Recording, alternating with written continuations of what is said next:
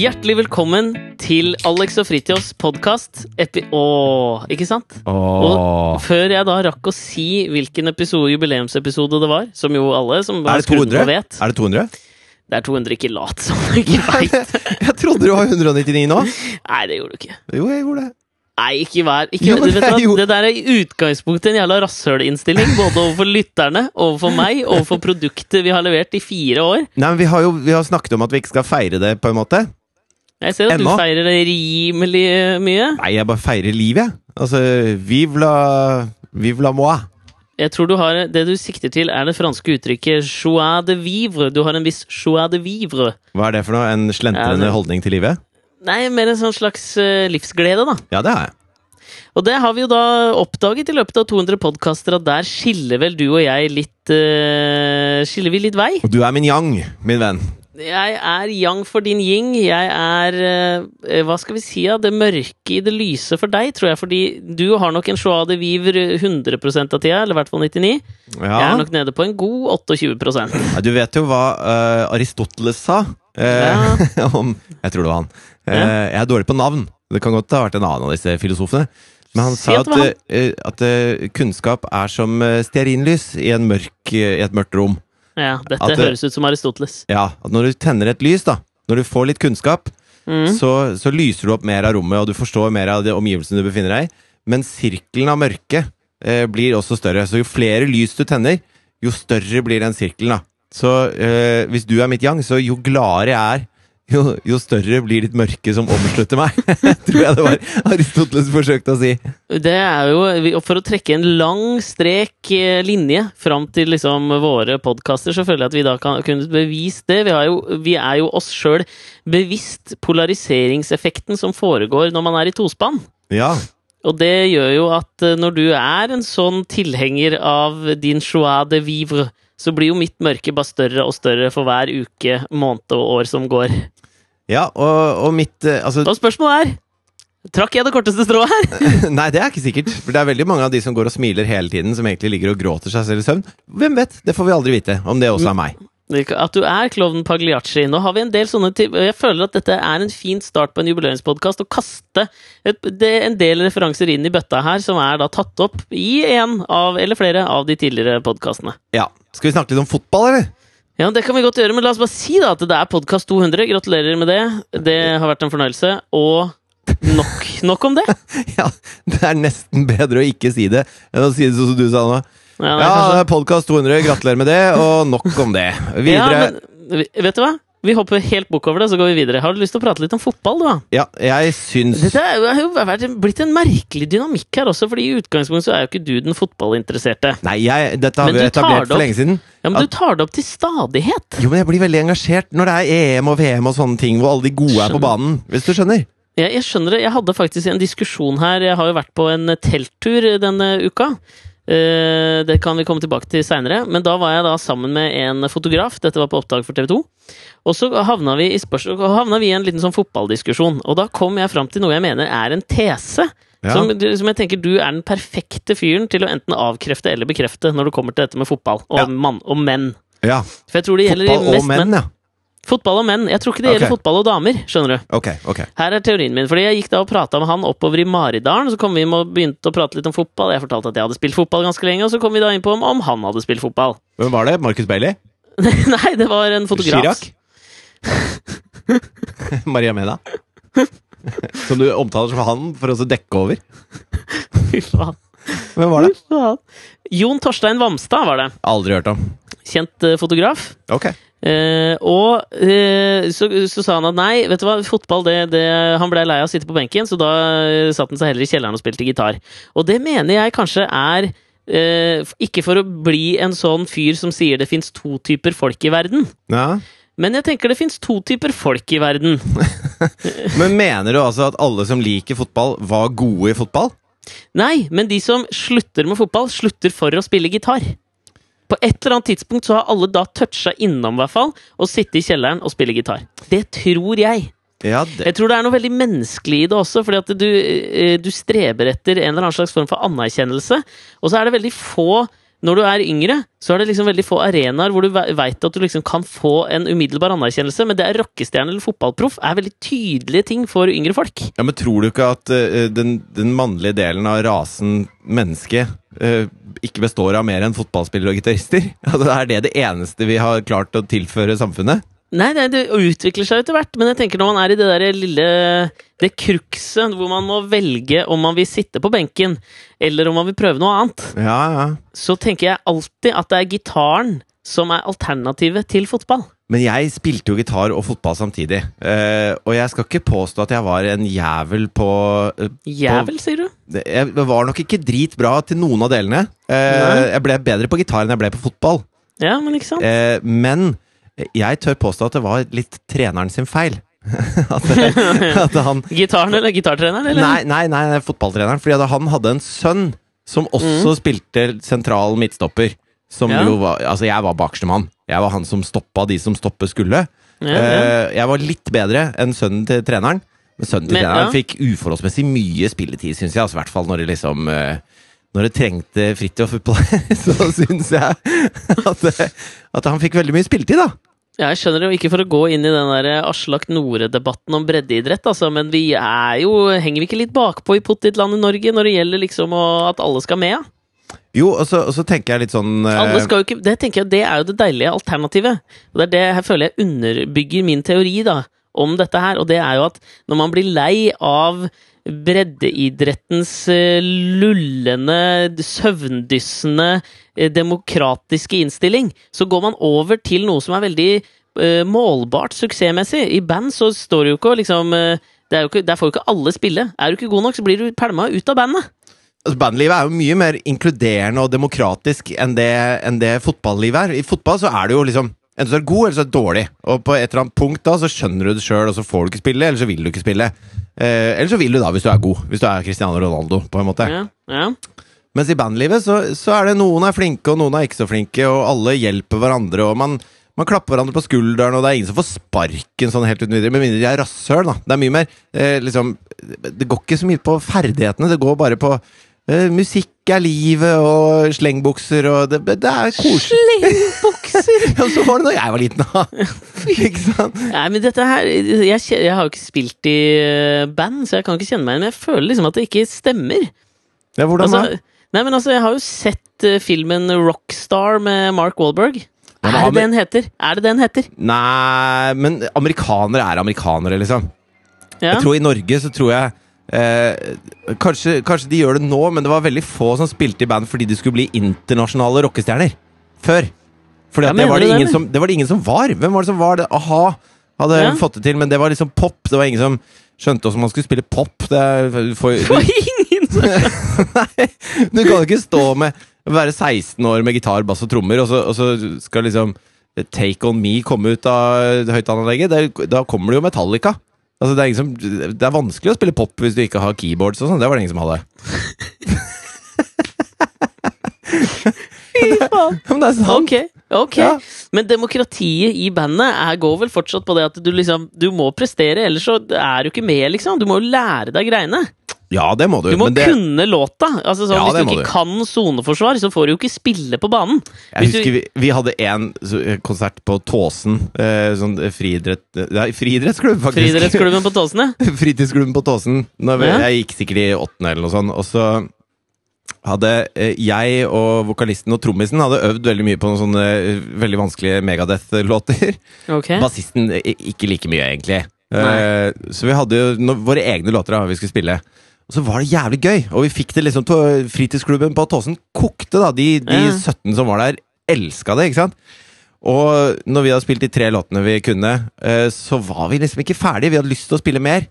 Og da sier vokalisten i mikrofonen at ja, nå skal vi spille nå skal vi spille denne sangen av Megadeth, eh, men den kan ikke bassisten vår, så han må gå av scenen nå. Og så spilte vi liksom en elleve minutt lang låt, da, mens bassisten vår satt i salen og var fly forbanna. Så det er jo ikke bare Jeg skal ikke påstå at det bare er teamwork ute og går. Eh, men det, det, ble ikke så bra uten bass heller, så det var dumt å gjøre det. Jo, men faen, jeg, jeg, tenker jo at det er litt mer sånn jeg, jeg, jeg liker den tankegangen litt mer. Selvfølgelig skal alle få være med en, en viss periode. Men på et eller annet tidspunkt så tenker jeg så må du begynne å levere noe. Ja, det er jeg enig i. Ellers så, ellers så blir du sånn der hobbyband, da. Som du spiller med kompisene, og det er, det er koselig, det òg. Harald Rønneberg og Reitan-brødrene, tenker du på? Ja, det er det jeg tenker på. Det er litt der vi spiller fordi vi har en enorm joie de vivre og en joie de musicali. Ja. Jon Olav Nilsen. Og, Jeg tror, ikke, jeg tror det er ikke så mye joie på noe som helst nivå Nei. der, altså. Nei, det er det motsatte. Men, men de spiller De spiller allikevel. Ja, Nå er det vel ferdig. Nå skal vel han eh, mest sannsynlig sitte i fengsel etter at han robba en fyr på 7-Eleven fordi han hadde noe kodein, eller hva faen han hadde i lomma. Ja. Men uansett. Men du, her, nå skal jeg prøve å utvikle før du kommer til fotballen. ja. Da så har jeg bare et spørsmål til rundt dette her. Som jeg, for, kanskje vi skal ut, eh, utvikle denne tesen litt grann videre. Tror du da at denne innstillingen som på en måte musikere har, som du beskriver nå, tror du den kan ha noe med at, at det er veldig Altså, nå får du rette meg om jeg tar feil i utgangspunktet her, da, premisset, men jeg tenker at i utgangspunktet så har musikere, artister, kunstnerisk utøvende en eller annen iboende skepsis til å møte med journalister. Nei, den var vi aldri veldig på. Vi var veldig glad i å bli intervjua, vi. Vi Jo, liker, er- eh, Likte oppmerksomheten, på en måte. Ja, ok.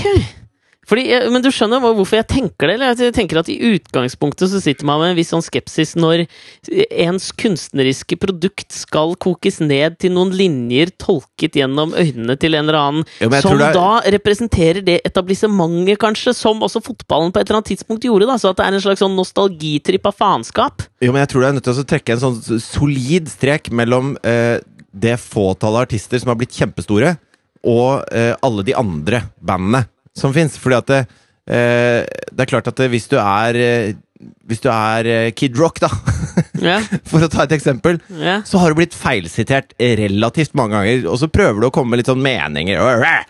Kid Rock. From Også, the top of your head. Så Ja. drar du opp Kid Rock-hatten. Ja, men det, Han er jo kanskje den som har sagt mest dumme ting, ikke sant? Men det kan godt hende han ikke har jeg holder en knapp på en del andre, ass. Jo, men han er en av dem, da. Ja, Han er oppe der på topp 100-lista, i hvert fall. Ja, Han er på topp 100-lista. Ja. Men det kan godt hende at alt han har sagt, ikke har vært fullt så dumt som det har blitt framstilt som i media. Og, og når du får deg den trøkken mange nok ganger som sånn stor artist, så blir du skeptisk. Men jeg tror at hvis du spør de fleste eh, usigna rockeband fra Ørsta om de har lyst til å bli intervjua av Asker og Bærums Budstikke, så Ja. kommer det et rungende ja, og så setter de seg i Fiaten sin og kjører til, kjører til Sandvika for å bli intervjua. Altså, Den der motstanden mot pressen tror jeg kommer etter å ha, at brent barn skyr ilden. Typ. ja, ok, jeg ser den, skjønner. For jeg bare hørte en historie her om det. Ja. Eh, om eh, Vinni, som vi jo har prata mye om i podkasten. Han har jo også blitt brent av pressen av og til. Ja, fordi han har et journalisthat som liksom det overrasker meg på et eller annet nivå. Altså, fordi han er jo til stede i pressen titt og ofte. Men det hadde han helt sikkert ikke når de ga ut Barcelona for hvor mye er det, 15 år siden eller noe sånt? Ja, det, jeg tror ikke det. Nei, kanskje ikke, altså, for da var de sugne på oppmerksomhet. Det var kanskje etter fadesen på Spellemann, hvor han var så høy som en skyskraper og hilste til bestemora si, liksom. Ja, det kan At det var etter det det kom. Men det er jo vanskelig liksom å snike seg unna live TV òg, liksom. At du Ja, jeg ble feilsitert i takketalen min. Den er jo litt verre å svelge. Det blir du jo ikke. Nei, men, men eh, apropos Vinni, forresten. Thea og jeg satt også på Idol, Ja. og så spurte hun hvem av de dommerne syns du er penest. Ja, Og jeg bare Ja, men da tror jeg jeg må holde en knapp på hun. Ina. Vrol- jeg, liksom. ja, ja. Nei, nei, av gutta. Eh, og så sa jeg nei, det syns jeg er vanskelig. Hvem, syns du, da? Er jeg vinner. Helt klart vinner. ja, ja. Det syns jeg er rart. En niåring. Jo, men han har en Han har et, et snilt ytre. Snille øyne, liksom, på en eller annen måte. Ja, han er, ja, ja, han har jo det. Og så tenker jeg han er uh, Så ligner han litt på stefaren hennes. Ja, men han er ligner, litt, han ligner litt på deg òg. Ja, han gjør det. Ja, på en eller annen måte.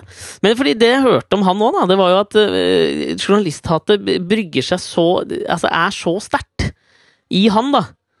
Er at eh, hver gang Vinni skifter telefonnummer, Ja. så, så er det av følgende grunn. Ja, kanskje jeg ikke skal si navnet på den journalisten. Fordi ja, Greia er jo da at han skifter nummer hver gang en norsk journalist får tak i nummeret hans. Ok. Da skifter han nummer. Og dette har skjedd liksom en seks-sju ganger. Og da er han, han ene journalisten, jobber i Dagbladet Når han får tak i nummeret til Vinni, Ja. da skifter han nummer. Så sterkt er det det- hatet, liksom! Det kan ikke være Sandeep Singh. Nei, det er ikke Sandeep Singh. For det, ellers så er jo hele den Idol-tingen veldig vanskelig for Vinni, da. Ja, nei, det, det er ikke han, altså. Nei, ok. Men jeg bare synes det er så fascinerende at det stikker så dypt at du velger å liksom Fordi det er litt hassle. Men da er det ikke snakk om journalisthat, da er det snakk om hat til én fyr, da. Jo, men jeg tror han blir en slags representant for hele journaliststanden, liksom.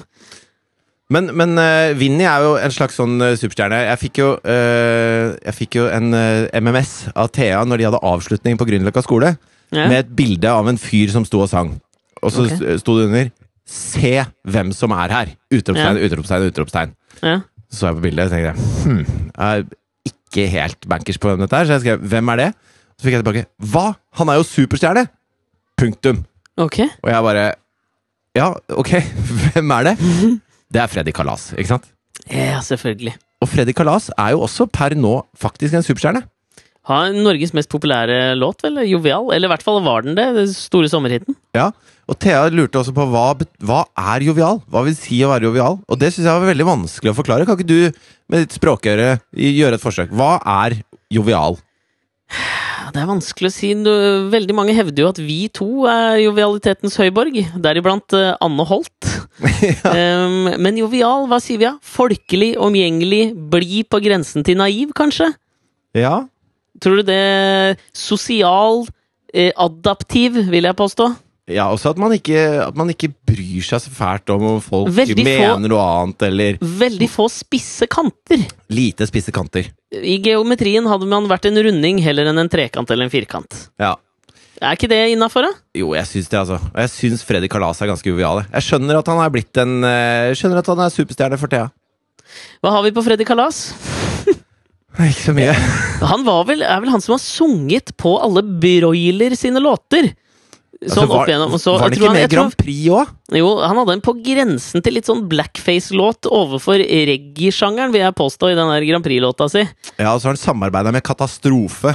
Det har han helt sikkert, men jeg tror han er broren til han ene broiler-kisen, og så bestemte han seg for å gå solo, som jo da ofte kanskje er feil som artister gjør. Vi har jo dekka det, Bruce Springsteen på 90-tallet, Prince uten The Revolution. Men Freddy Kalas må jo sies å ha klart det, det påstått umulige, så den kreden skal han vel få. Han fikk til det som Prince og Bruce Springsteen ikke fikk til! Er det det du prøver å si? Ja, det er det. Det er ganske hardt, det. Ja, det Men du ville prate om fotball. Ja, egentlig ikke så mye om fotball, men litt om Cristiano Ronaldo. Ja, ok. Fordi at han er jo kjempeflink. Jeg ser at han er kjempeflink i fotball. Selv jeg som er eh, han som slutta å spille fotball og begynte å spille gitar, ser det. Uh, og jeg ser også at uh, han hylles for dette monsterhoppet og sixpacken og fysikken. Uh, skrives spaltemeter opp og ned og i mente om Ja. dette. Ja. Men altså, når han scorer, og så løper han over til cornerflagget Ja. Og så tar han en sånn derre hvor du slår ned med begge armene mens Ja, ja. du ser deg over skulderen og strammer alle muskler du har i kroppen. Som en sånn derre Det er sånn derre superhelt-move, da. ja. Det er unødvendig for meg. Det er altfor, altfor mye. Det, det er provoserer meg. Ja, det er for mye. Jeg kan si meg litt enig. Altså, jeg synes det jeg, Kanskje han er på en måte symbolet på hvorfor jeg syns det blir stadig vanskeligere å bli glad i fotballspillere. Før i tida altså, Fy faen, nå høres jeg gammel Men sånn som Grismann som tar en liten, sånn, en liten dans når han scorer og sånn, det er sjarmis, ikke sant? Men den derre Den Ja. Tor-framtoninga han, han kjører han Ronaldo på det, er vanskelig for å svelge, ass. Fotballfeiringenes estetiske utvikling kan vi jo gå litt inn på nå, for jeg kan si meg faktisk litt enig. Før i tida, veldig kjente fotballfeiringer. Thomas Brolin, blant annet, som tok og snurra, så ut som en idiot. Som tok en 360-hopp med armen rett opp. Ja, Piruett, ja. En slags piruett. Fint. Ja, ja. Robbie Fowler, den gamle Liverpool- og England-spissen, som sniffa eh, Han Det som husker jeg. om Det Ja, husker jeg. Late som da Hva heter det for noe? Linja rundt. Ja, Var en, ja, var en linje med cola. Ja. Sniffa den, fikk jævlig mye stress. Skjønner at han fikk Alan stress for det. Shearer, bare én hånd opp i lufta, løp sånn. Altså, det var en del mye mer uh, Hva skal vi si? Low-key uh, feiringer før i tida. Og Men det altså, når Albania, når Albania scorer, og feiringa er bare å, å fullstendig miste det av lykke, liksom. Å Ja. løpe mens du hyler av lykke. Det er fotballfeiring jeg kan like. Den derre kalkulerte sånn Ja, når jeg scorer mitt ørt og fjertende landslagsmål, så skal jeg faen meg Da skal jeg ta den Den moven her har jeg øvd på hjemme foran speilet, for det har Ronaldo gjort. Det har han faen meg gjort. Klart han har foran- det. Han har sånn der speilsal som han øver på de greiene i. Filmer det i 360 grader, for han vet at det fins folk på alle kanter av han. Ja. Hvilken superheltmove funker best? Ja, men jeg tror det. Jeg tror det men jeg tror også utviklinga av de feiringene. For det er, jeg syns alltid det som er mest kleint, det er når det er planlagte feiringer. Helt. Eh, med voksne menn. Eller damer. Altså, damer, Husker du det norske fotballandslaget for kvinner når de drev med den marken? Hvor de drev og gikk etter hverandre og holdt hverandre i beina, og så så det ut som en mark som gikk framover? Det er noe av det flaueste jeg har sett. Holdt Eller hverandre i beina? Altså, de la, satt på kne ut? Altså, de, de krabba, ikke sant? På Ja. alle fire. Og så lagde de en lang tog, og den som var Altså, du holdt den foran deg i, rundt anklene, og så gikk man sånn framover så det så ut som en meitemark. Det som i pornobransjen heter spit roast. Det kan godt være. Uff a meg. Ja, det var en slags lang spit roast, da, kan vi vel si. Ja, ja. ja, det er også litt slitsomt. Det er så, det, jeg syns det er så jævlig kleint, men, jeg, det- men det, kanskje det, det var jo kanskje like mye av det før i tida. De var bare litt mer sympatiske måtene man feira på. Men jeg, Jeg tror også- det, ligger litt sånn implicit implisitt, det ligger litt sånn implisitt i feiring at det skal være spontant. At du, Ja, skal ikke, i. du skal ikke feire noe sånn som du har planlagt å feire det. Nei, jeg er helt enig, men det er det også Og dette her er kanskje en liten brannfakkel, altså, men det som jeg også sliter noe jævlig med, det er hvis et lag har én spiller kanskje av afrikansk herkomst, Ja. og så scorer en annen spiller på det laget, og Ja. så skal han løpe bort til den eneste afrikaneren, og så gjøre en eller annen sånn Altså, jeg Som ser ut som noe sånn derre eh, stammedans. Det er, er så gjentatte eksempler på det greiene der. Hvor Men man er liksom skal det noe som skjer ofte? ja, det mener jeg at jeg har sett opptil titalls ganger, og det er faen meg noe av det flaueste jeg ser! Ja, det Dette kan jeg er- forstå. Men dette har jo en ekvivalent også i basketverdenen nå, mener okay. jeg. Ja. Fordi det liksom det, det, basket er det jo ikke så stas å score som Nei, er i men, det, men de gjør det ikke på scoringen, men de gjør det liksom før kampene. Så har det jo gått eh, sånn viral hits da med LeBron James og noen av de folka hvor de har liksom egne sånne klapser. Ja. high fives på alle de forskjellige spillerne de spiller med på laget. Og det er også noe sånn jeg syns bare er jævlig barnslig og teit. Kan dere ikke bare løpe ut på banen, være glad og spille, liksom? Der er jeg uenig. Der er jeg, der er jeg din uh, ying. Men hvordan veldig... i all verden kan du være uenig i det, men like planlagte feiringer? Det er jo bare Ja, for tidspunktsforskjell. det, det er jo ikke en feiring. Det er en slags sånn derre Ok, gutta, nå gjør, vi, nå gjør vi greia vår, og så går vi ut og knocker dem dead. Det syns jeg er sjarmis, men den derre hvis, du- hvis du har behov for å feire at du har scora Av og til så har du jo ikke behov for det. Av og til så er det du ligger under 3-0, og så scorer du et mål sånn rett før. Og da, da går du ikke berserk og tar Thor-moven din, liksom. Du, du sniffer ikke dørlinja av den grunn. Nei? Da feirer du ikke, du bare henter ballen og løper opp uh, for å starte så fort du kan. Jeg elsker når du prater om hva man gjør på fotballbanen. For det har du ikke troverdighet til, men du har helt Jo, men, rett ja, der. har rett Du har helt rett, Det bare Ja. høres rart ut når du sier det. Jo, men, og derfor mener jeg at den, der, den planlagte feiringa den har ikke noe sted den, den hører ikke hjemme noe sted. Altså, Hvis du blir kjempeglad, så gjør kroppen din et eller annet som ser glad ut. Og hvis du ikke blir kjempeglad, så ikke gjør det du har planlagt. Ferdig snakka. Nei, men Jeg kan være enig med deg, og det går jo veldig hånd i hånd med å ikke feire Podkast 200, sånn som vi uh, kunne gjort. Ja, dette er et anti-Ronaldo-Tor-move. Ja, Vi drar her nå. Ja, det støtter jeg, men her jeg kommer med, prøver meg på enda en ekvivalent, da, for å høre om du er enig i denne. Okay. Så tenker jeg at den, disse type feiringene, som er litt sånn cocky jævlige, har gått hånd i hånd med fotballspilleres kjipere og kjipere sveiser og klesstiler. Eh, klesstil vet jeg ikke så mye om, for jeg ser de stort sett på banen. Og da ser jeg jo at, eh, at draktene er blitt trangere. Men eh, ikke noe særlig mer enn det. Ja, men jeg syns liksom hele den esteti- fotballspillerestetikken har blitt helt mye, mye mer jævlig. Gjør, for, altså, her tilbake til før i tida, så tok Zinedine Zidane tok seg en sigg her og der. Maradona røyka i pausen. George Best, da han fikk spørsmål om hva er det tetteste opp til en kamp du har drukket, så svarte han i pausen. Det var Jo, noe mye mer sjarmig med det enn de derre jævlig sculpted bads som er utpå der nå, med sånne fartsstreker i håret og maskara før du går ut på banen. Det gjorde jo for så vidt Magne Hoseth, han spilte i Molde òg, men han var jo liksom unntaket som bekrefter denne regelen her, da. Jo, men jeg syns at, eh, at når du ser sånne gamle bilder av Gassa som løper av gårde i den der enorme britiske hvite drakta Den ser jo ut som en sånn han ser ut som en sånn eh, Flagg! Ja, han ser ut som en dame på Nesodden som er på vei for å handle med sånn der kurv med hjul. Er det Altså- moren din du snakker om? Og venninnen hennes. Ja, Men, men altså, jeg syns jo de ser litt sånn det, kulere ut nå, da. Jeg savner fotballverdenens flagrende gevanter, ass. Jeg synes det var Det var en mye mer sympatisk tid, og jeg følte at det handlet mer om lag da enn det gjør nå. Så du savner egentlig det du så i Monty Python når Aristoteles og Platon hadde fotballkamp? Når de fløy Ja. rundt i sånne lange kjortler, bare for å trekke en komplett sirkel til der hvor vi starta denne fotballdiskusjonen. Jeg er helt enig. Få faen meg neste EM. Toga-EM. Skjegg og toga, kjør!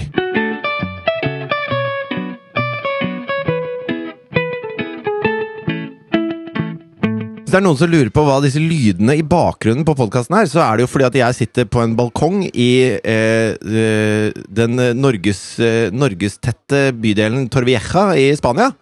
Eh, Er du der og- igjen, altså? Jeg er der igjen. og det er det er, eh, det er sol, altså. Det er det. Ok! Ja, men jeg bare tenkte jeg måtte sette litt kontekst mens du sitter i senga hjemme i leiligheten din. gjør du ikke det? Det gjør jeg, vet du. Ja, Har du hatt noe ferie, eller, Alex? Nei, jeg, det har jeg ikke. Nei? Jeg har jobba, jobba, jeg. Men nå har jeg på en måte litt, skal jeg ha litt fri framover. Men vi sitter jo og venter på en fødsel, så noe særlig reise blir det ikke. Nei. Men har du, har du lagt noen planer for hvordan dere skal bruke fritiden deres? Nei, egentlig ikke. Ta noen småturer hit og dit. Det, Ja. det, jeg har ikke noe mer å komme med. Ok. Nei, men det er topp, det. Det høres ut som en fin sommer, det. Jeg prøver, jeg, nå, nå prøver jeg faktisk å ikke si det ironisk, for jeg, vet jo åssen det er når man venter, venter barn. Ja, ja. Så er det jo litt, eh, litt ting man må være klar for, på en måte. Og da, og da blir sommeren litt annerledes, og det er helt greit.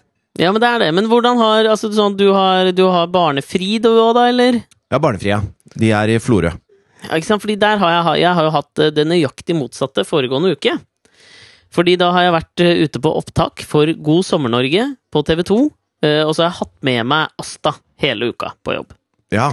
Og det som er, det, det som er greia her, da, var at det var et samarbeid med nettsida reismedbarn.no, som eh, Jannicke Weeden står bak, TV3-programlederen. ja. Eh, som er da sammen med en som spilte i, eller spiller i Big Bang. Da.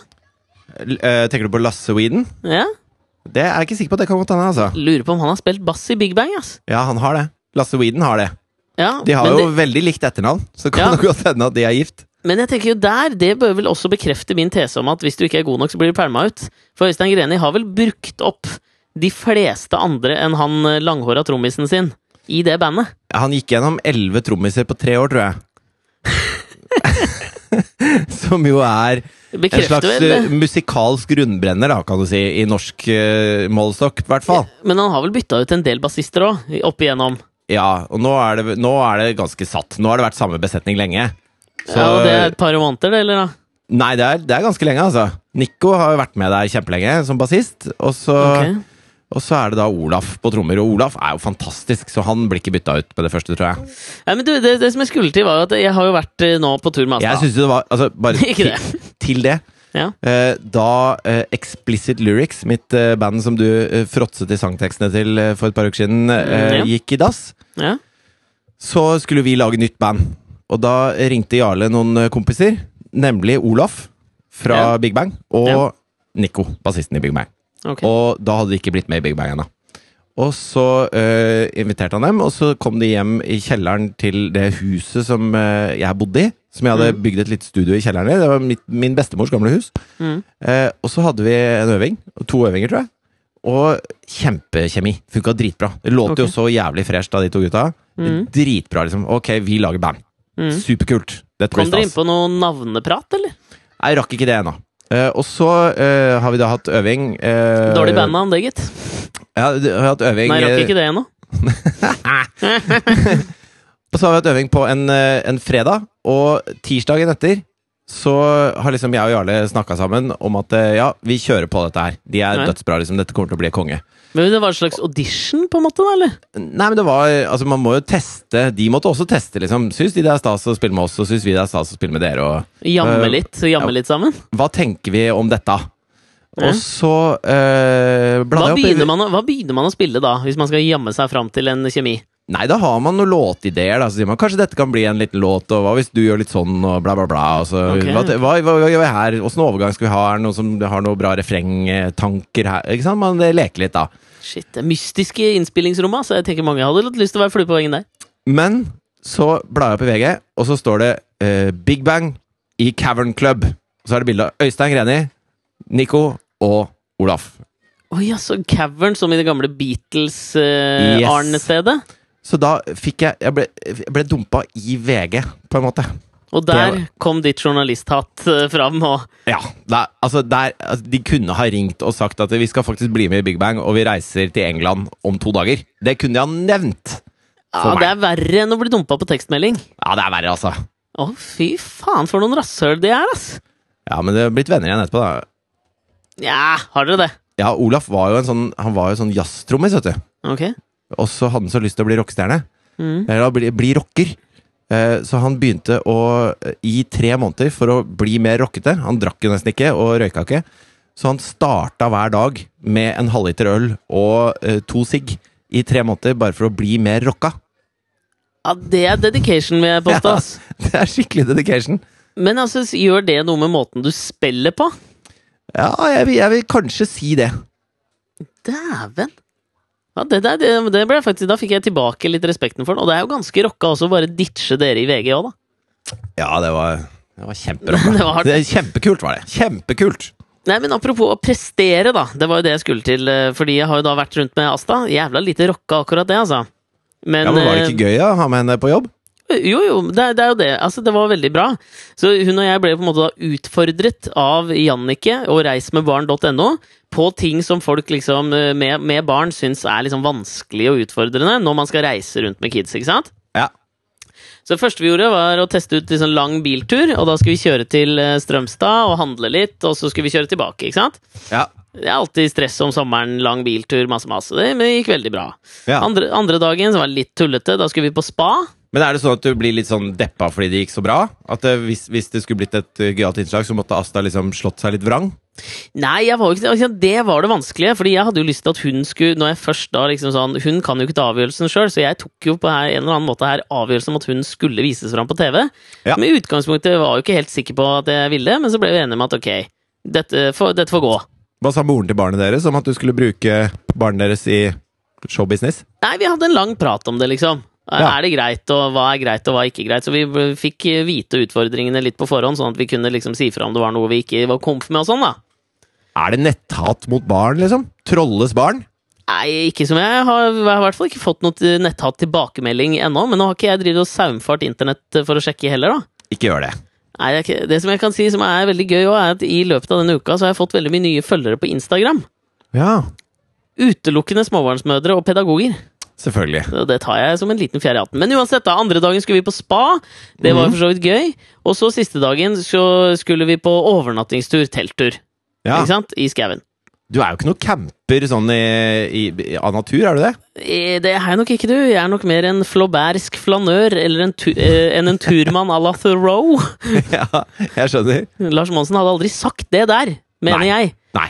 Eh, og, men ikke sant, det er jo litt sånn besides the point, da, akkurat dette her. Men det greia var jo at eh, hun er jo med, og på et eller annet måte så skal hun da levere. Hun må jo det. Men det må jo bli gøy. Ja, det må jo bli gøy. Og, og jeg syns det ble veldig fint og sånn. Og så skulle vi avslutte hele greia med å være gjester da, i God sommer Norge sammen med Jannicke på fredag. Ja. Og da hadde liksom vi øvd litt på at Asta skulle få ett spørsmål. da, ikke sant? Det var om vi hadde sett noe dyr. Og det hadde vi jo, hun kom jo bærende med en slange som gjorde far rimelig redd. Fordi jeg kjenner jo ikke igjen forskjellen på stålorm og hoggorm sånn med en gang. Nei, det høres jo ut som hun har en liten sånn chartersvein i seg, at hun leverer innhold. Ja, jeg syns hun gjorde det, altså. Men det var jo, det, det var jo litt skummelt. Ettersom eh, jeg vil jo helst at hun skal leve og gjøre en god figur. Ja, ja. Enn å gjøre noe det motsatte i begge henseender. Eh, men, men ikke sant, så, så merka jeg at eh, på på en eller annen måte nå så har jeg fått en ny forståelse fordi for noen som jeg virkelig sånn, har sett jævlig ned på, og det er sånne missemammaer som sender ut barna sine på sånne missekåringer og sånn, har sett mye borti USA. ja, ja. Og som skal? De får dem til å se ut som sånne små Små uh, babes, Po liksom. Pornostjerner, vil jeg Ja, nesten det er noe jævlig pedofilt og ekkelt over hele Det er helt sjukt jævlig. Ja. Og det virker som om ungene egentlig ikke vil, og det bare er alt er jævlig med det. Ja. Men så merka jeg at jeg tok meg sjøl litt i det da vi satt i Når det studioet. når du slanker fireåringen din, og, Ja, og tatoverer øyenbryn, liksom, da må du, da må du legges inn. Da må du fratas denne ungen. Ja, og ikke, jeg mener ikke nå at jeg liksom støtter noe av dette her. Men det er et eller annet i den tankegangen som jeg kanskje forstår litt mer nå, etter denne opplevelsen her. Du tenker på hele, hele greia med barnearbeid. Hele greia med barnearbeid forstår jeg litt mer nå. Nei, nei men det ikke er litt sånn, altså Når du jobber med TV, da så er det sånn Ja, Asta var med meg på jobb, og hun jobba, hun også, liksom. Men la oss si at du hadde drevet en eh, At du hadde vært skredder, da. Og så bare Ja. sånn Ja, jeg tok med barna mine på jobb, og de, de var kjempeflinke. Sydde hele sommeren, liksom. Satt i en sånn liten sweatshop og sydde. Og de Ja, ja. syntes det var gøy, de. Ja, de digga det. Og det er akkurat som showbusiness er liksom eh, Der gjelder ikke de barnearbeidreglene. Nei, jeg vet det. Altså, jeg, jeg, jeg, skal ikke kaste stein i glasshuset her, fordi Thea jobber jo på, på Norske Teater og får betalt, liksom. Ja, men, hun- ja, Og hun er men det er jo ikke noe annet. De får jo betalt de små leddgiktfingra sine nede i Bangladesh òg. Ja, det er bare noen yrker er liksom barnearbeid fremdeles greit. Det er fascinerende å tenke på. Ja, og det har vel sjelden kommet noe godt ut av å være barnestjerne også. Ja, det er vel ikke så mange som har landa sånn kjempe på beina etter en, eh, etter en megasuksess som barn. De fleste som starta i Disney-klubben sammen med Britney Spears, har vel gått i samme retning, har de ikke det? Jo, Justin Timberlake virker det som har landa litt på beina, da. Ja, det har han for så vidt. Det Han var i. Disney-klubben. Ja, det er for så greit. Ryan Gosling òg. Jeg må trekke tilbake alt, jeg. Det Var han i Disney-klubben? Ja, ja, ja, ja. Er noe veldig lite Disney-kompatibelt med Ryan Gosling? Jo, men som kid var han jævlig Disney-kompatibel. Ja, pent, pent barn, vet du. Pent barn, det kan jeg forestille meg. Islandsk pent. Islandsk pent, ja, ja, for så vidt. Han har litt islandsk vibe over utseendet sitt. Han har det. Men uansett, det som jeg mener at jeg kunne liksom kjenne igjen litt, det var den der følelsen av at jeg ønsket så fælt at hun skulle framstå liksom og gjøre noe fett og bra. Mm. For da hun fikk det ene spørsmålet sitt, da, så choka jo Da choka, ass. Gjorde hun det? Svarte- ja, var det live òg? Ja, det var live. Ja. Choka som faen, liksom. Ja. Eh, og det er kanskje stygt å si om et lite barn, men det er jo fortsatt en choke. ja. Men det, var jo min feil òg, da. Da det er jo kjedelig for en toåring å sitte i en sofa og prate i ti minutter. Det skjønner jo jeg Altså, Så jeg har tatt med litt bok og hun skulle lese og alt mulig sånn. Også, men så var det en, en ung jente da som var på settet der, som Asta syntes var så kul. da Så sto hun utafor studio, så Asta ville jo bare gå ut og leke med henne. Ja. Og rett før hun fikk spørsmålet sitt, så så jo hun hun jenta her, da. Ja. Og ville gå ut, og så sa jeg nei, jeg må sitte her, liksom. Og da ble hun sur, og da kjørte de close-up og spørsmål til henne. Og da jeg, merke, kjente jeg at da hun satt og liksom hadde geipen sin, så hadde jeg så lyst til at hun skulle liksom levere bare den søteste og råeste svaret Ja, ja. som jeg visste at hun kunne. Ja, ja, ja.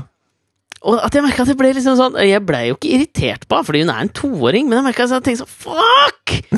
Og det lille øyeblikket der ja. kan jeg jo trekke ut til noe større, som gjør at jeg bør liksom skjønne at de som, som gjør alt de forferdelige greiene mot barna sine, i utgangspunktet innerst der også, i tillegg til å leve ut sin egen drøm gjennom ungene, som er helt forferdelig, så tror jeg det ligger også noe bra. Altså Som Ja. jeg ikke har tenkt på som bra før, men det ligger et ønske om noe bra. Men det gjør det helt sikkert. Og det er veldig rart at du skulle nevne dette, for jeg, jeg hørte Jeg skal ta det fra begynnelsen. Ja. Jeg, tror at alle foreldre har lyst til at barna skal øh, øh, på en måte mestre livet, da. At de skal få Ja. til ting som gjør at de har det bra, at de skal være vellykket, og at, øh, at, livet, at livet skal være en positiv opplevelse da, for de små menneskene som man setter til verden. Ja. Og så tror jeg at vi øh, Vi uh, bruker våre voksne verdier i hva det vil si å ha det bra. Og av og til da, så er ikke det det vil si å ha det bra, er ikke å være uh, flink eller, eller liksom flinkere enn de andre, eller smartere enn de andre. Samtidig som vi prøver også å gi barna våre kunnskap, prøver å gi barna våre gode verdier, og vi, sant, vi jobber beinhardt med dette her. Men når det går for langt, når barnet faktisk blir sånn vidunderbarn, eller en som er mye bedre enn alle de andre, så er det også jævlig gærent. Og nå skal jeg, jeg skal spille noe jeg hørte på nyhetene, som er Ja. altså en liten jente som sammenlignes med Mozart. Okay. Hun ø, begynte å spille piano da hun var to, og komponerte sin første opera ø, nå da i en alder av syv. Og så har hun skrevet noen strykekvartetter når hun var fire og sånn. Uh, okay. Og så ble hun intervjua. Bare hør på stemmen hennes! Men er hun norsk, eller? Nei, hun er ikke norsk. Ok. Hun er eh, engelskspråklig. Ok. Jeg vet ikke helt hvor hun er fra. Ja, Men bare hør på, hør på denne syvåringen. ja.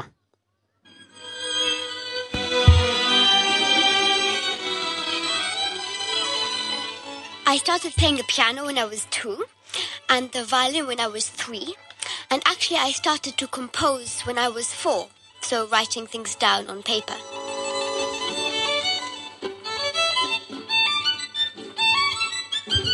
I didn't even know that it was called composing then. I just sit at the piano and play the ideas I had in my head.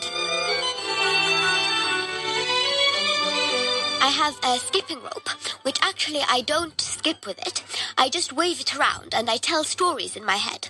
And then sometimes a melody just pops into my head. And so that's how I get my tunes. Altså, Meningen er ikke at vi skal høre for mye på hva hun har å si, men vi skal høre på hvordan hun prater. For at hun Ja. prater uh, I started when I was two and I- Og så er det sånn der Det er så jævlig sånn besserwisserete. Og hun prøver å Hun har så tydelig diksjon, hun skal være så flink i alt mulig. Og det er jo foreldrene hennes som som har most dette her inn igjen. Det hører du. Jeg føler jeg hører det, da. Og, Ja, og jeg, bare, jeg er jævlig glad for at vi ikke har sånne opptak av Mozart da han var liten, for han var også sikkert et jævlig oppblåst lite rasshøl. Unnskyld, kjære syvåring, det var ikke meningen å kalle deg det, men, men vi foreldre har et ansvar for å la barn være barn. da De skal ikke være vidunderbarn, de skal bare være små barn.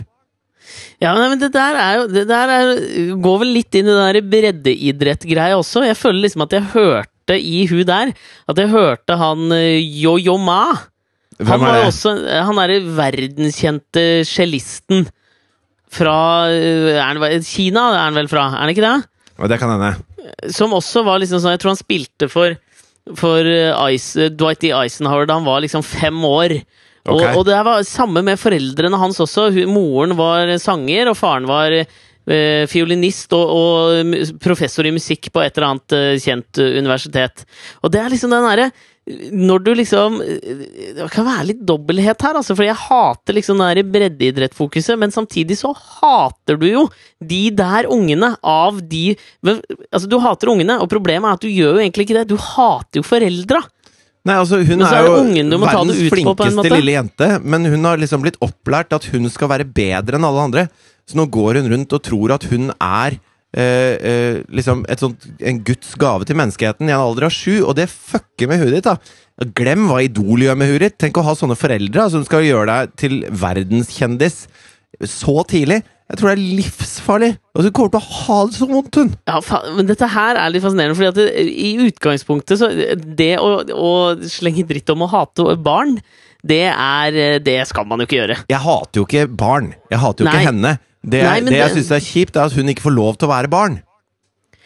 Ja, ikke sant? Men, det, men problemet er jo at det er barnet som blir det fysiske symbolet på det man uh, misliker, selv om det er foreldra. Men de står jo i bakgrunnen, så det er jo barnet man blir irritert på. Ja. Jeg syns at hun høres ut som et lite rasshøl. Det må jeg ærlig innrømme. Men hun gjør jo det! Hun gjør det! Ja, så selv om det, Hvis det der hadde vært en voksen person, hadde også syntes at hun hørtes ut som et rasshøl. Ja, ja, ja. Absolutt. Og, og det der jeg leste nå denne uka her, en fyr som jeg har liksom slitt litt med så lenge, og dette er sykt, for det er en kid, det òg. Sønnen til Will Smith. Jaden Smith, han sliter jeg med. Ja, det, jeg leste det, altså. Han går i skjørt nå. Ja, og det tenker jeg, det er, det er helt greit, det, altså. Ja, det er jo Det- bare at han, han Veldig bra. Han fronter vel den nye kampanjen, den nye kvinnekampanjen til Louis Vuitton. Ja, det kan stemme. Og da er det jo da revolusjonerende at det er en eh, gutt da, Ja. som gjør det. Ja. Men han har da et noe androgynt utseende, kan man vel si, så ja, uansett. Men det, det, jeg syns det er bra, jeg. Det er veldig bra. ja, det gjør ikke noe. Men så har jo han og søstera og et par andre sånne der eh, stjernekids starta liksom et eller annet slags form for kollektiv, da. Som heter MSFTS. Altså det er jo misfits, da, på en eller annen måte. Å ja, jeg skjønner. Og det her begrepet her, da Jeg tror det, det, altså, det betyr jo selvfølgelig noen som liksom eh, motsetter seg og, leve et normalt liv og bla, bla, bla, ikke sant? Ja, det er anti-anti. Anti-alt, da, Ja. er det jo på en måte. Ja. Og, og, og da merker jo jeg at jeg Altså, i utgangspunktet noe som skulle vært bra. Det er bra, dette her. Men når det framstilles sånn han kødden av en kid gjør det, så blir jeg så jævlig irritert, og mener han så jævlig historieløs. For han har gitt ut en sånn her pressemelding, da. Så jeg kan prøve å lese opp og høres like rasshøl ut som hun dama. Det som Hun lille jenta, Jaden mener du? Smith- Ja, hun lille jenta. Ja. Bare hør her. ja. Så jeg skal Ja. Uh, misfits could be looked at in simplest terms as a creative workforce dedicated to supporting and waking up the population of planet Earth through attaining knowledge and personal growth. But even that puts it into a box. Anything that could be put into words puts it in a box. Because misfits is more of an expression rather than an explanation. So please keep in mind, there has never been anything like Misfits before, because there are very few collectives willing to sacrifice the safe, cliche, and popular for something entirely new which has never been seen before. Because it's simply impossible to predict the unknown. And Misfits is in fact unknown. Og dette her merker jeg at det, jeg blir så provosert av den dritten her. Men problemet Altså- han, han stakkars uh, Jaden Smith Han Ja. er jo i han, han har jo en helt umulig eksistens. Altså Det er akkurat som sønnen til Beckham, dette her. Altså Du Ja. er født inn i en sånn derre hvor, hvor både moren og faren din er så eh, ut vinduet vellykka. Og, og de er jo Altså de er jo ekstremt karrierebevisste, selvfølgelig. Ellers så blir du ikke så vellykka borte i USA. Mm. Og og hvordan skal du da uh, være flink? Hva vil det si å være flink for den Jaden, da? Ikke sant? Ja. Hvor gammel er han nå? Han er 18. Han er 18, ja. Ja. Men hele, hele hans liv så har liksom hvor, hvor vellykket du er, er det eneste målestokken han har prøvd å, å leve opp til. da Og han kan aldri slå moren og faren sin, uansett hva han gjør. Og, og det er jo eh, Jeg, jeg syns jo bare fryktelig, fryktelig synd på han og denne lille jenta som, som lever i, sånn, i et sånn samfunn som foreldrene deres har skapt rundt dem. Som, som gjør at de er nødt til å, å på en eller annen måte forandre verden så tidlig. Det jeg hater trynet hans, jeg. Hater trynet hans, jeg. Fy faen som jeg hater den!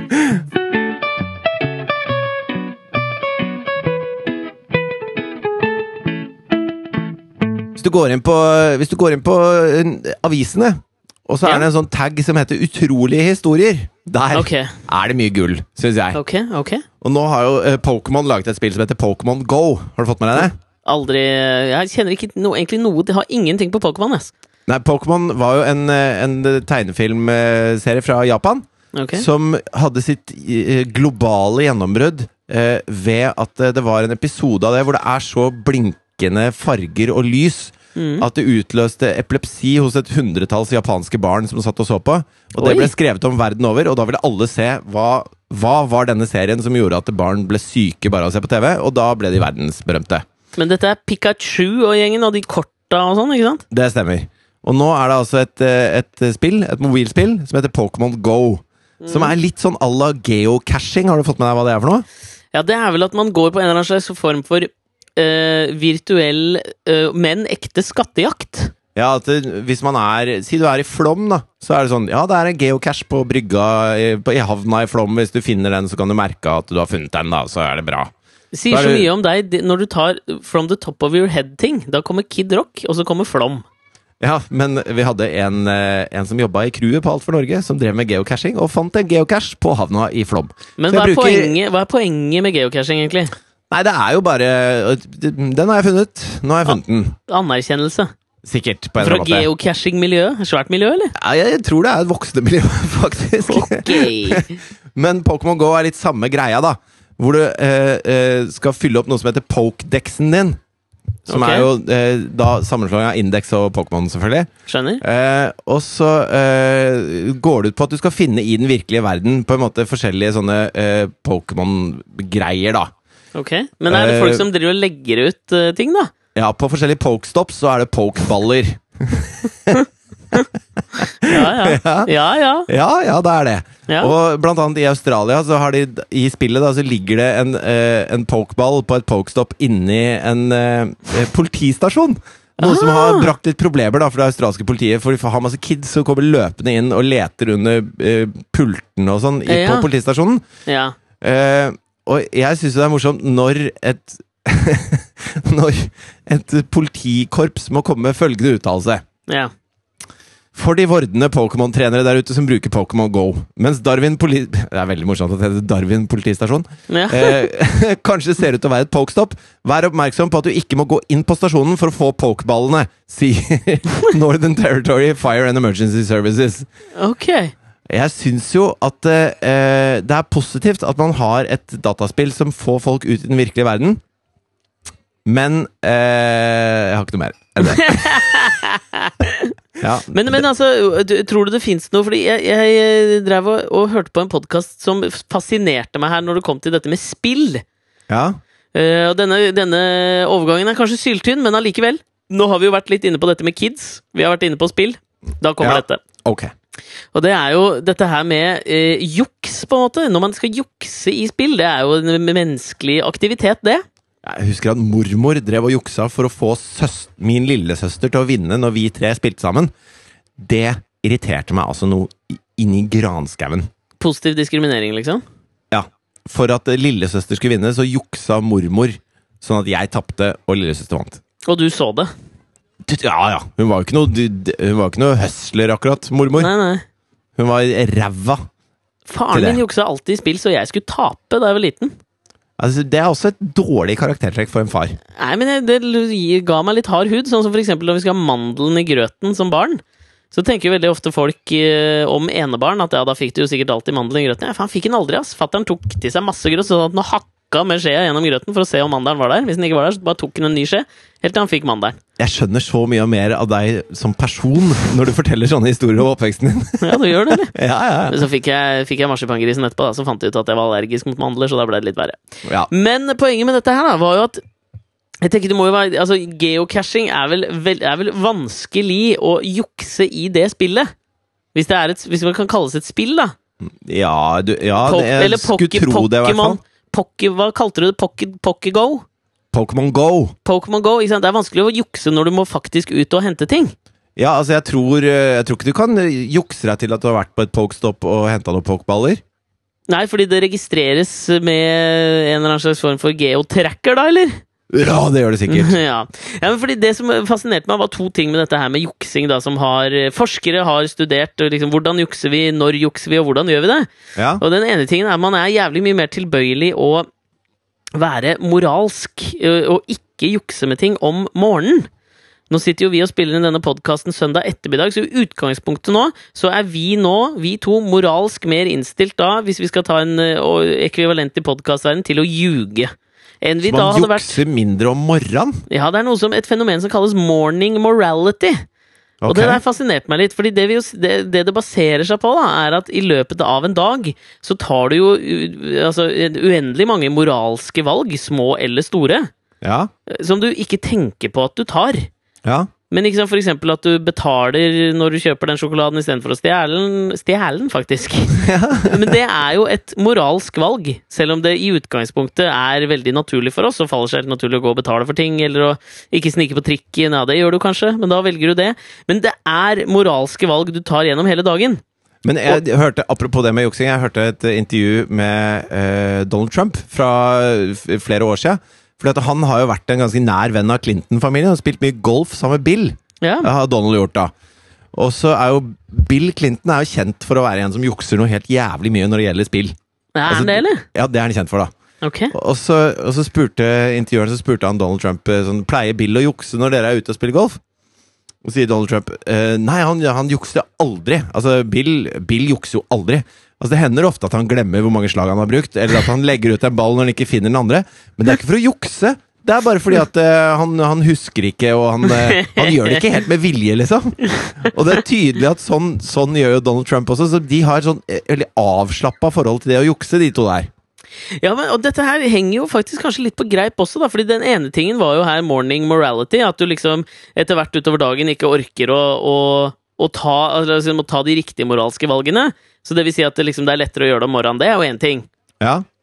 Men det andre som jeg syns var fascinerende, det var da de, eh, de gjorde et forsøk, da, hvor de, hvor de lot eh, mennesker komme inn i forsøksrommet okay. med eh, barn, barna sine.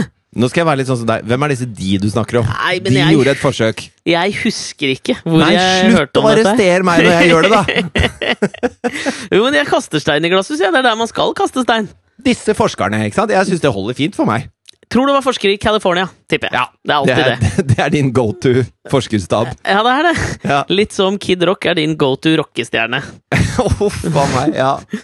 Men uansett, uansett, da. Så du, så du gjorde noe test på det. At du, når foreldre får lov å ta med seg barna sine da inn i et rom, og så skal du sitte uh, Altså, du vet ikke at du blir overvåket.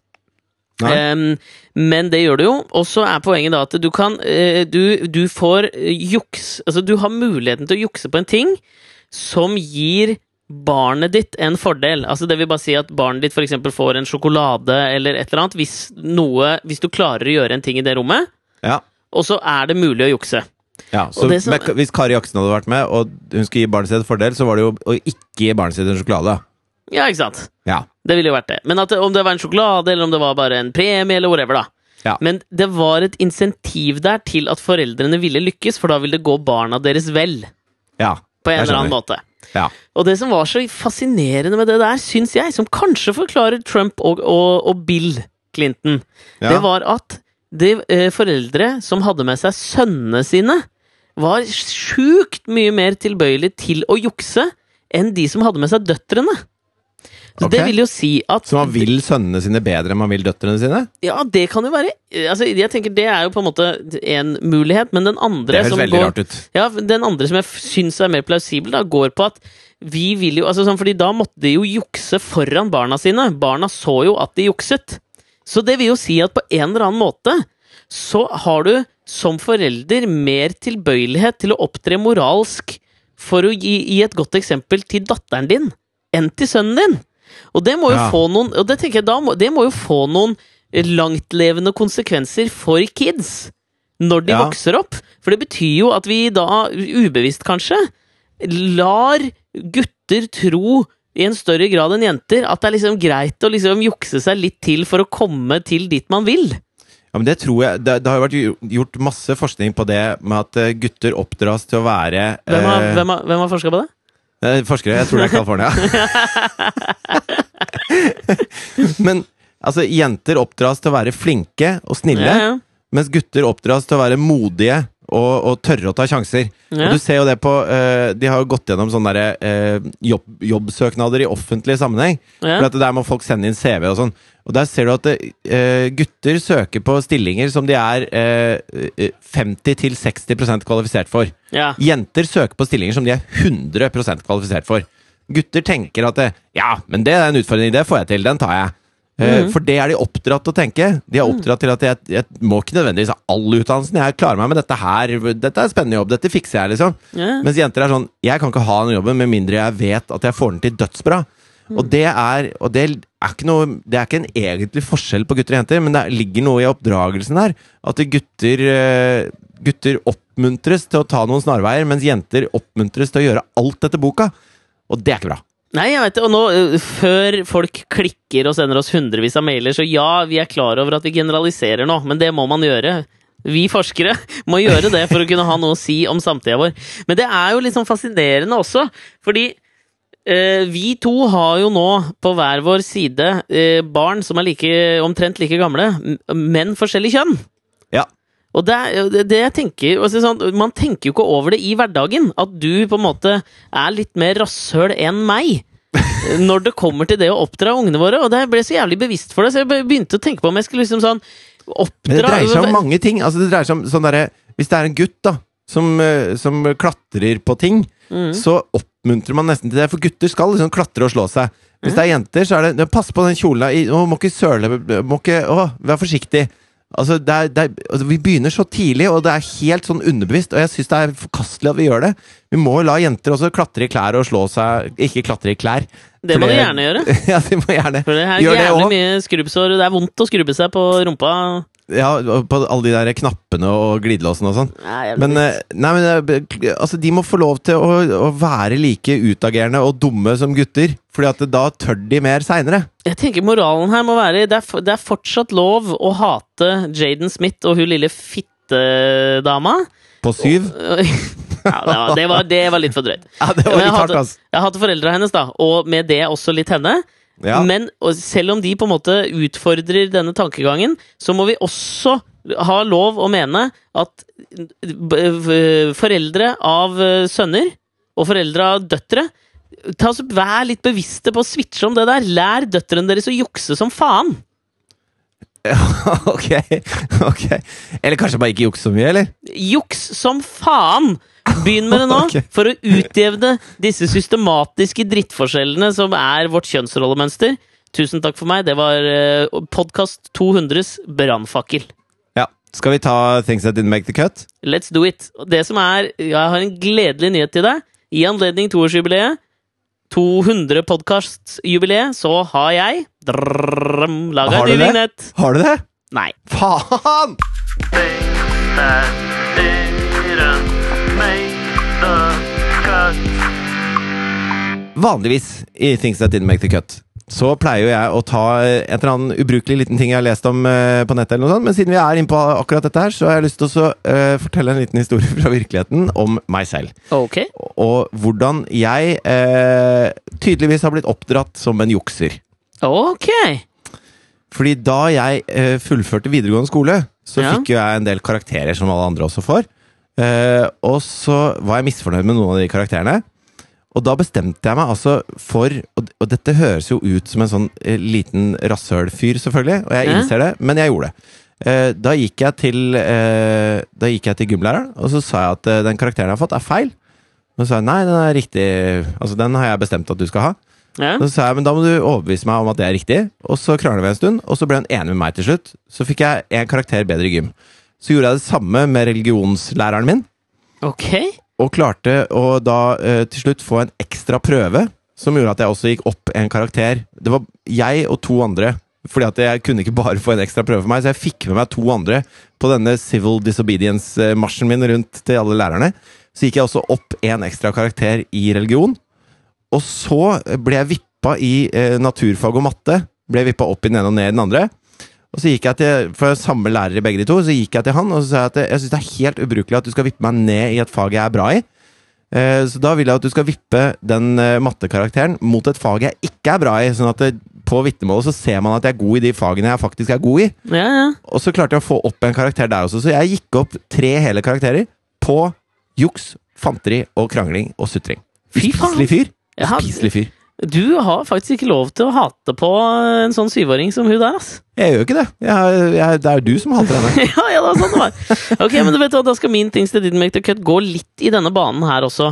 Ja. Fordi jeg leste et, eh, det som har blitt kalt et skandaleintervju. Eh, altså, Nå er det jo blitt klart at eh, Storbritannias neste statsminister blir en dame. Sannsynligvis Theresa May.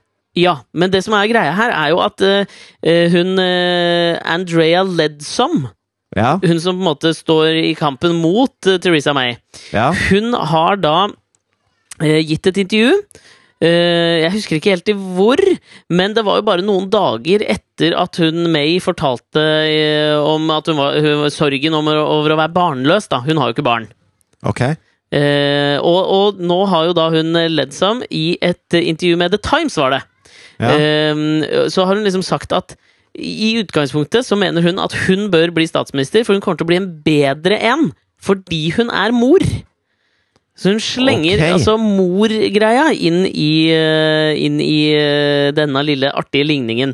Så ikke bare kan ikke Theresa May få barn, men fordi hun ikke kan få barn, så er hun heller ikke egnet som statsminister som Eller fordi kvinne. hun ikke er mor, da. Fordi hun mener, altså hun, eh, Andrea Ledson mener jo det at det å være mor, det gjør henne bedre skikket. Eh, Ja. fordi, fordi, jeg tenker jo, altså sånn, Hun hevder jo selvfølgelig at hun er blitt eh, feiltolka. Det der Journalisthatet starter jo der. Ja. Ehm, eh, Men dette, begge disse kvinnene er i samme parti som altså jernkvinnen Margaret Thatcher var i. Den barnløse jernkvinnen med jernlivmoren som ikke noe kunne overleve i. Nei, ikke sant? Men fordi det hun mener, da, er jo selvfølgelig at, eh, at hun sjøl har en større sånn stake i eh, landets framtid. Fordi hen, altså hun har jo barn som skal leve der etterpå. Ja, det er bold claim, altså. Det er ganske heftig! Men nå mener jeg kanskje at, eh, at de journalisten som gjorde intervjuet, burde i utgangspunktet da kanskje spurt om hun var verre skikket, etter vi har hørt om alt dette juks og fanteriet man gjør når man har barn. Og sånn, ja. ja. Så kanskje i utgangspunktet så kan den kritiske oppfølgingen her nå baseres på det vi har prata om i Alex og Fritjofs podkast, i at alle som har barn, er uegnet til å lede et land.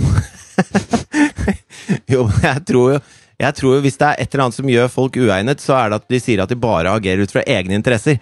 Så det at hun bruker dette med mor som et positivt fortegn, at da, da vil hun ta de riktige beslutningene, for hun gjør det for sitt barn, det mener jeg burde diskvalifisere henne øyeblikkelig. For man skal ikke treffe bare beslutninger som gagner en selv og sine nærmeste familie når man leder et stort land, Nei, mener men jeg. det, det er jo det her gryr jo journalisthatet opp igjen også. Hvorfor i helvete kom ikke disse oppfølgingsspørsmålene i dette Times-intervjuet? Fy faen, det holder New, ikke. New York Times, altså jævla tabloid dagspressavis. Nei, det var ikke New York Times, tror jeg. Det var Times i England, da. Men uansett, Ja, dere er om hele potato, gjengen. potato. All right. Du, vi har fullført podkast nummer 200. Det har vært en eh, stor fornøyelse. Jeg skal eh, la deg vende tilbake til eh, turistlivet i Hvor faen var det du var? Uh, Torvieja. Ikke sant? Jeg svetter altså som en gris på terrassen her. Det er så varmt. fyr. Ja, stakkars fyr. Ja, det er helt forferdelig, altså. Ja, vi følger alle med deg. Og så får vi vel si at uh, i løpet av noen måneder så kanskje vi skal finne på noe annet gøy for å feire disse hundrevis av podkastene vi har laget. Ja, og så kan jeg jo si at uh, forsidebildet på denne ukas podkast kommer til å være min utsikt fra stranda. Som er Altså, hvis du kan se for deg uh, Lukk øynene, Aleksander. Ja, Se, for deg- se for deg Maldivene med det asurgrønne havet. Asurblå, for faen. Ja, blågrønt. Ja. Altså, det er litt grønt i den blåfargen også, men ok, altså, ok. også sånne eviglange, hvite Jeg tror faen ikke grønt kan være asur. Eh, oh, Det er litt grønt i den. eh, Litt lysegrønt. Ja, Ta ja, oss med. Ta oss med. Maldivene, asurblått hav. En sånn eh, blåfarge som bare gjør at du har en, en trang til å kaste deg uti. Mm. Hvite, tomme sandstrender. Det står bare én parasoll midt på sandstranda, en kilometer bort. Det er så vidt du ser den, liksom. Og du, du sprader rundt for deg selv alene og bare nyter eh, tropevarmen. Det er det motsatte av Torrevieja, og det kommer du til å se på forsidebildet. Jeg har tatt et bilde fra solsenga. Jeg kjenner også at eh, låta som skal sparke oss ut når du beskriver dette her, er 'Sailing' av Rod Stewart. En nydelig, nydelig låt. Passer meget godt inn til den beskrivelsen du gir av det asur-blå-grønne havet ditt. Og Ja. den herlige turisttilværelsen. Og det, det, er jo ikke, det er jo ikke sånn det er her, da. Altså, det er det motsatte av åssen det er. Å ja, faen, da mista jeg hele greia. Men la oss i hvert fall lukke øynene og tenke at vi alle er der mentalt, da. Ja. Mens vi hører på Rod Stewart synge oss ut i podkast nummer 200. Det kan vi gjøre. Adjø, min gode mann! Ha det!